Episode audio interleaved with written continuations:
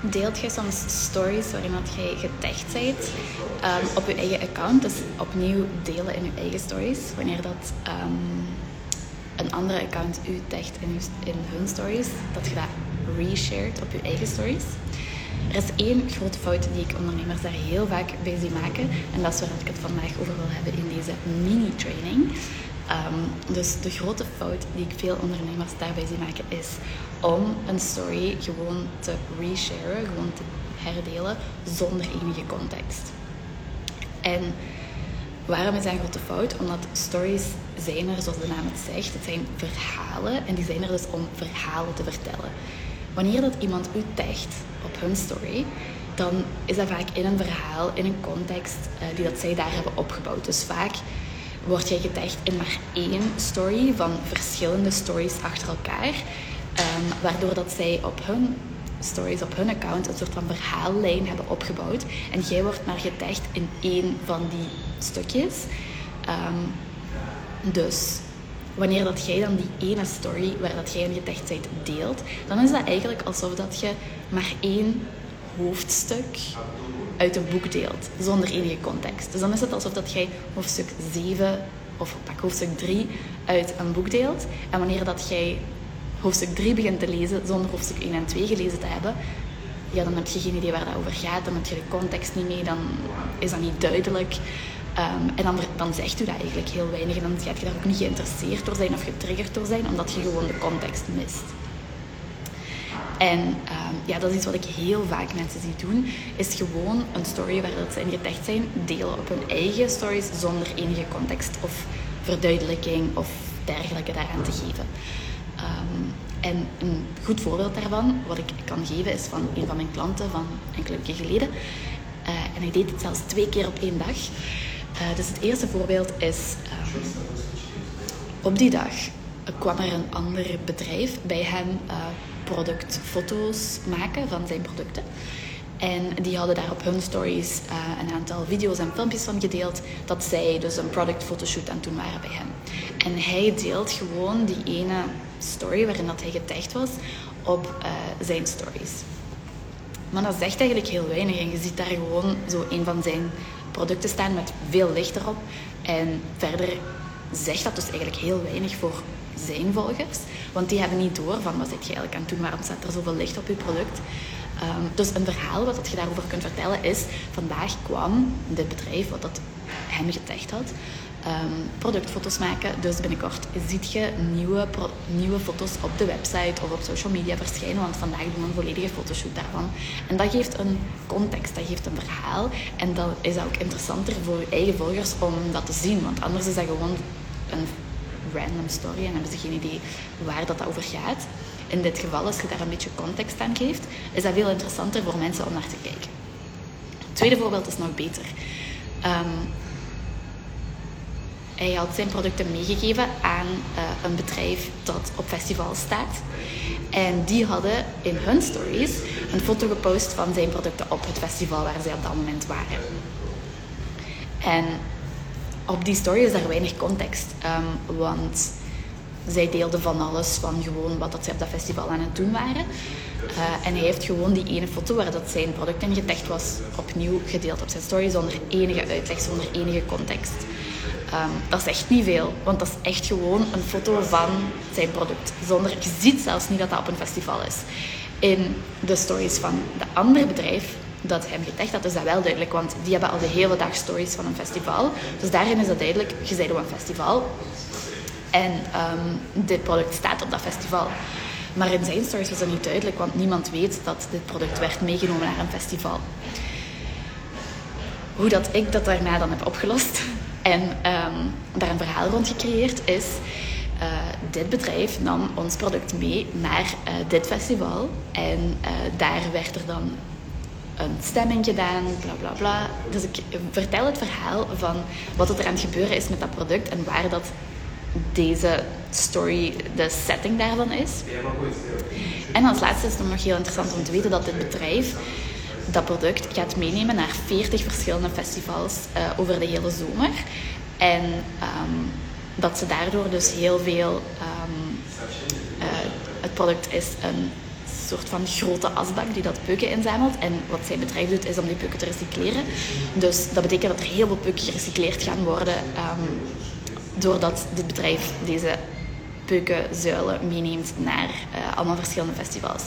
En dat is iets interessants voor zijn klanten om te weten van, ah, deze peukenzuilen kunnen we ook op festivals zetten. En omdat die deze zomer naar veel festivals gaan, recycleren die zoveel peuken.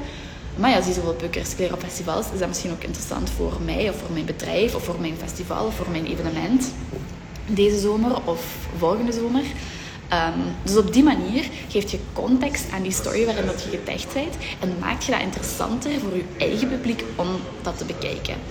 En daarom is het dus belangrijk dat je dat doet, dat je die context geeft en dat je niet zomaar hoofdstuk 3 uit een boek van een ander account deelt op je eigen account zonder daar enige context aan te geven. Want dat zorgt ervoor dat je stories niet engaging zijn en niet interessant zijn voor je eigen publiek. Want die weten niet waar het over gaat, want die worden in het midden van het boek erin gegooid. Of in het midden van het verhaal erin gegooid.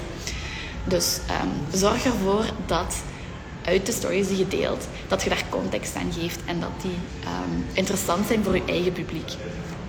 Soms delen mensen slechts één beeld of één story. Um, en is het verhaal heel kort. En kun je dus wel gewoon um, die ene story delen zonder daar veel context aan te geven. Maar zelfs dan is het soms nog nuttig om er ietsje extra over te vertellen. Um, zoals ik heb bijvoorbeeld uh, een andere klant die dat een soort van hotel zijn in Mexico. En die hebben een mooie uh, zonsondergang view van op hun terras.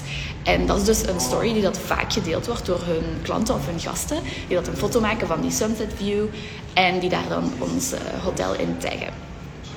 Ik kan natuurlijk gewoon die mooie sunset view um, delen op onze account. Want uiteindelijk is dat gewoon een mooie foto en, en geeft dat wel weer dat het mooi is in ons hotel. Maar wat ik meestal doe, is toch nog een beetje uitleg daaraan toevoegen. Um, en erbij zetten uh, de sunset view van op ons um, sunset terras of zoiets. Zodat mensen doorhebben, ah oké, dit is een foto die gemaakt is van op het terras daar, uh, bij zonsondergang. Um, af en toe dat ik erbij sunset drinks at the terrace of zo. Dus geef een beetje context. geef mensen iets meer dan gewoon die foto, dat beeld. waardoor dat ze echt ja, gaan weten waar het over gaat en getriggerd gaan zijn om um, te onthouden wat het, het net is wat dat jij doet. Vertel een verhaal. Dat is de moraal van het verhaal. In dit geval. Um, dus bij je stories. Stories, letterlijk zoals het zegt, zijn verhalen. En zorg ervoor dat je een verhaal vertelt. En zorg ervoor dat uw volgers niet in het midden van het boek worden gegooid of zonder context.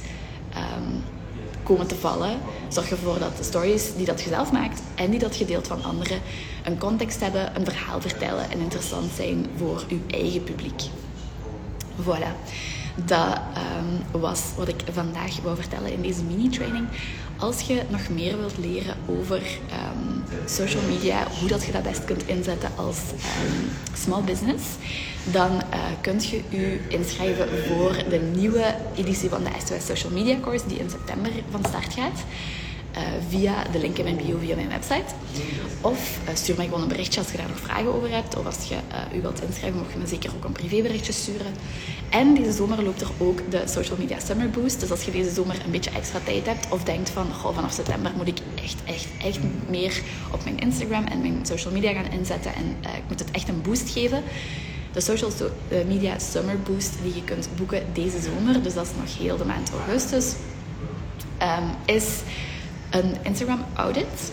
Waarbij dat ik uw profiel helemaal bekijk, review uh, en u in een call uh, een hele laydown geef over wat dat je goed doet, wat dat je beter kunt doen en hoe dat je dat best kunt doen. Dus ik geef je persoonlijke feedback op uw account. Uh, zodat je die beter kunt maken en zodat je beter je ideale klant gaat kunnen aantrekken. En uh, gecombineerd met een content brainstorm sessie waarin dat we kijken naar oké, wat moet uw boodschap zijn?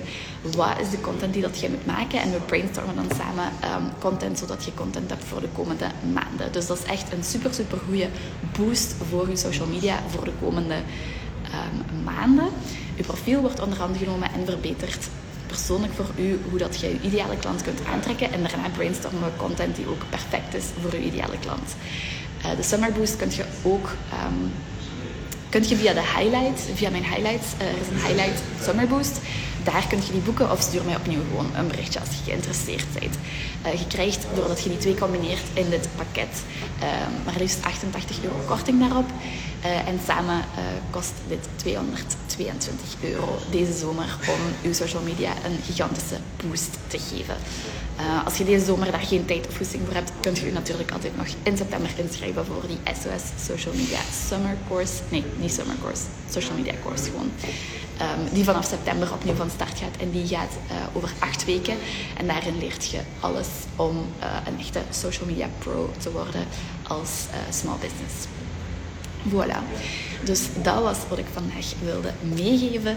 Volgende week ben ik er opnieuw met een nieuwe Mini Training Monday.